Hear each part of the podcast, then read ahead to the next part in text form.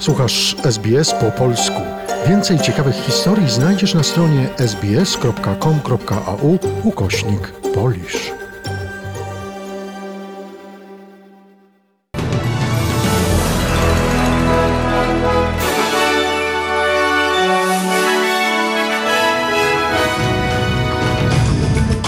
Dzień dobry, przy mikrofonie Joanna Borkowska-Surucić. Oto skrót najważniejszych doniesień we wtorek, 29 marca. Świat nie może czekać z kolejnymi pakietami sankcji na Rosję. Prezydent Joe Biden nie wycofuje się ze słów, które padły podczas wizyty w Warszawie. Rząd federalny w Australii zapewni tymczasową ulgę w rosnących kosztach utrzymania. W Polsce sytuacja epidemiczna poprawia się z dnia na dzień. A oto szczegóły wydarzeń. Rozpoczynamy od doniesień ze świata. Prezydent Ukrainy Wołodymyr Premier Żeleński powiedział, że świat nie może czekać z kolejnymi pakietami sankcji nakładanych na Rosję. Embargo na postacienie Rosji. Embargo na dostawy rosyjskiej ropy do Europy zostaną nałożone dopiero, gdy Rosja użyje na Ukrainie broń chemiczną. Nie ma na to słów. Pomyślcie, do czego doszło. My, żywi ludzie, powinniśmy czekać na użycie broni chemicznej. Na nas. A przecież to, co robią wojska rosyjskie, zasługuje na natychmiastowe nałożenie embarga, a ostrzał zakładów chemicznych albo ośrodka badań atomowych nie zasługuje? Wołodymir Żeleński podkreślił, że wojska rosyjskie oblegające Mariupol nie zgodziły się na otwarcie żadnego korytarza humanitarnego. W oblężonym i bombardowanym przez rosyjskie wojska Mariupolu zginęło dotychczas co najmniej 5 tysięcy osób, w tym około 210 dzieci. Od 20 do 30 tysięcy mieszkańców Mariupolu zostało przymusowo przesiedlonych do Rosji, poinformował mer miasta Wadyn Bojczenko. W mieście brakuje elektryczności, ogrzewania i wody. Do nielicznych czynnych ujęć wody pitnej ustawiają się długie kolejki osób narażonych na ciągły rosyjski ostrzał. Mer Wadyn Bojczenko podkreśla, że ludność zagrożonego katastrofą humanitarną Mariupola wymaga pilnej ewakuacji. Jednak Rosjanie kolejny dzień blokują mieszkańcom możliwość wyjazdu. W mieście pozostaje około 170 tysięcy osób.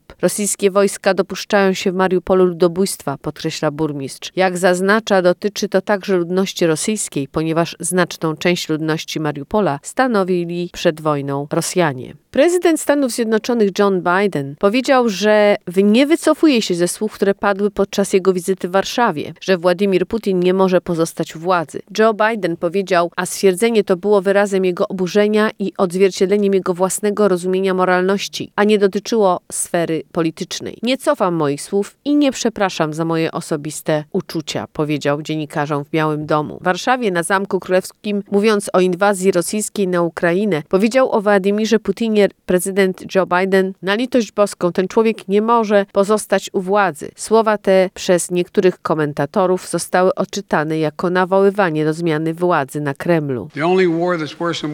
Jedyna wojna, która jest gorsza od zamierzonej, to taka, która jest niezamierzona. Ostatnią rzeczą, jaką chcę zrobić, to zaangażować się w wojnę lądową lub wojnę nuklearną z Rosją. To nie o to mi chodzi. Wyrażałam swoje oburzenie z powodu zachowania tego człowieka. To oburzające. I to jest aspiracja, czyli pragnienie realizacji własnych ambicji, niż cokolwiek innego. Nie powinien być u władzy. To znaczy, ludzie tacy jak oni nie powinni rządzić krajami, ale rządzą. To nie znaczy, że nie mogę wyrazić swojego oburzenia. Dzisiaj wieczorem minister skarbu Josh Frydenberg przedstawi budżet z tymczasowym złagodzeniem kosztów życia, jak również przekaże długoterminowe plany na polepszenie gospodarki. Zakłada się, że budżet 2002-2003 wykaże spadek stopy bezrobocia do 3,75%, zaplanowany do końca września tego roku. Procent bezrobocia jest najniższy od 1974 roku. Przewiduje się również, że zatwierdzi jednorazowe płatności w wysokości 250 250 dolarów dla Australijczyków o niskich dochodach. Frydenberg przedstawia budżet jako długoterminowy plan gospodarczy mający na celu zapewnienie finansowego bezpieczeństwa narodowego, budowę infrastruktury i zmniejszenie kosztów energii. Dzisiejszy budżet pokaże wzrost stopy, mniejsze bezrobocie i umacniające się płace. Będziemy wpłacać dywidendę, demonstrując silniejszą ekonomię z istotną poprawą rezultatów budżetowych. Dług jako przewidywalna część gospodarki osiągnie szczyt wcześniej i będzie niższy niż prognozowano. Przywódca opozycji Antoni Albanese powiedział ABC, że rząd jego zdaniem nie ma długoterminowego planu złagodzenia presji kosztów utrzymania. Potrzebujemy planu dla gospodarki, a nie planu dla koalicji na czwartą kadencję. To, co widzimy, widzimy w tym rządzie mało planów, a dużo polityki, aby się utrzymać. Służba ratunkowa Nowej Południowej Walii wydała kolejne nakazy ewakuacji dla ludzi na dalekim północnym wybrzeżu stanu. Zagrażająca życiu powódź ponownie nawiedziła region. Wprowadzono również nakaz ewakuacji dla nisko położonych części Malambimbi. Mieszkańcom nakazano ewakuację dziś rano. Od zeszłej nocy ewakuowali się również mieszkańcy części północnego i południowego Lismore. Medyczna australijska grupa doradcza do spraw szczepionek rozważa zatwierdzenie dawki przypominającej COVID-19 dla dzieci w wieku od 12 do 15 lat i drugie dawki przypominające dla szerszej populacji. W zeszłym tygodniu australijska grupa doradcza zatwierdziła czwartą zimową dawkę dla starszych i schorowanych obywateli. Ma być ona wprowadzona od 4 kwietnia. Sanitariusze z Nowej Południowej Walii twierdzą, że akcje ratunkowe będą kontynuowane pomimo dzisiejszej akcji protestacyjnej. Członkowie Australijskiego Stowarzyszenia Ratowników Medycznych wywierają nacisk na rząd w celu uzyskania lepszych warunków pracy i płacy.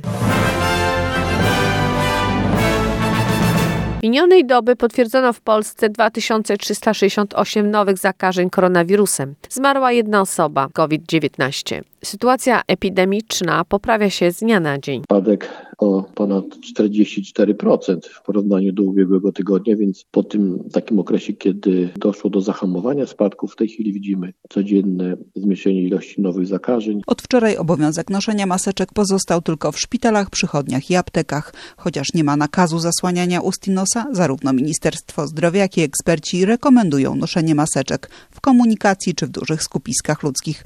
Były główny inspektor sanitarny dr Marek Posobkiewicz radzi, aby osoby chore również zakładały maseczki. te osoby, które mają objawy infekcji, powinny zawsze, jeżeli się wybierają w miejsca publiczne, zakładać maseczki. Od 1 kwietnia na bezpłatne testy w kierunku koronawirusa będą kierowali lekarze. Joanna Stankiewicz, Ambasador Ukrainy w Polsce Andrzej Deszczyca i pierwsza dama Agata Kornhauser-Duda rozmawiali podczas spotkania w Pałacu Prezydenckim o leczeniu dzieci chorych na raka i ochronie sierot. Ambasador przekazał list od pierwszej damy Ukrainy Oleny Żeleńskiej. Wyraził też uznanie dla wielu działań wspierających obywateli Ukrainy na poziomie krajowym i międzynarodowym. Minister Kultury i Dziedzictwa Narodowego Piotr Gliński złożył hołd Krzysztofowi Pendereckiemu podczas poświęconej mu wieczornicy Wymiary Czasu i Ciszy w Europejskim Centrum Muzyki jego imienia w Lusławicach. Wydarzenie zorganizowane w przeddzień pogrzebu kompozytora, który odbędzie się w drugą rocznicę jego śmierci.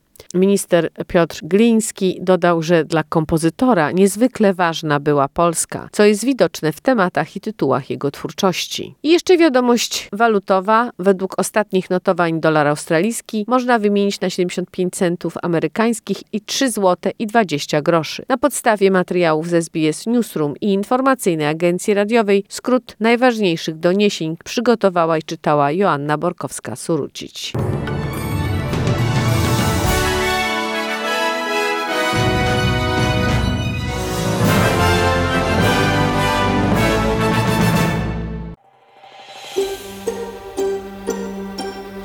Zainteresowało Cię? Chcesz usłyszeć więcej? Słuchaj nas na podcastach dostępnych w Apple Podcast, Google Podcast czy Spotify lub w jakimkolwiek innym, który używasz.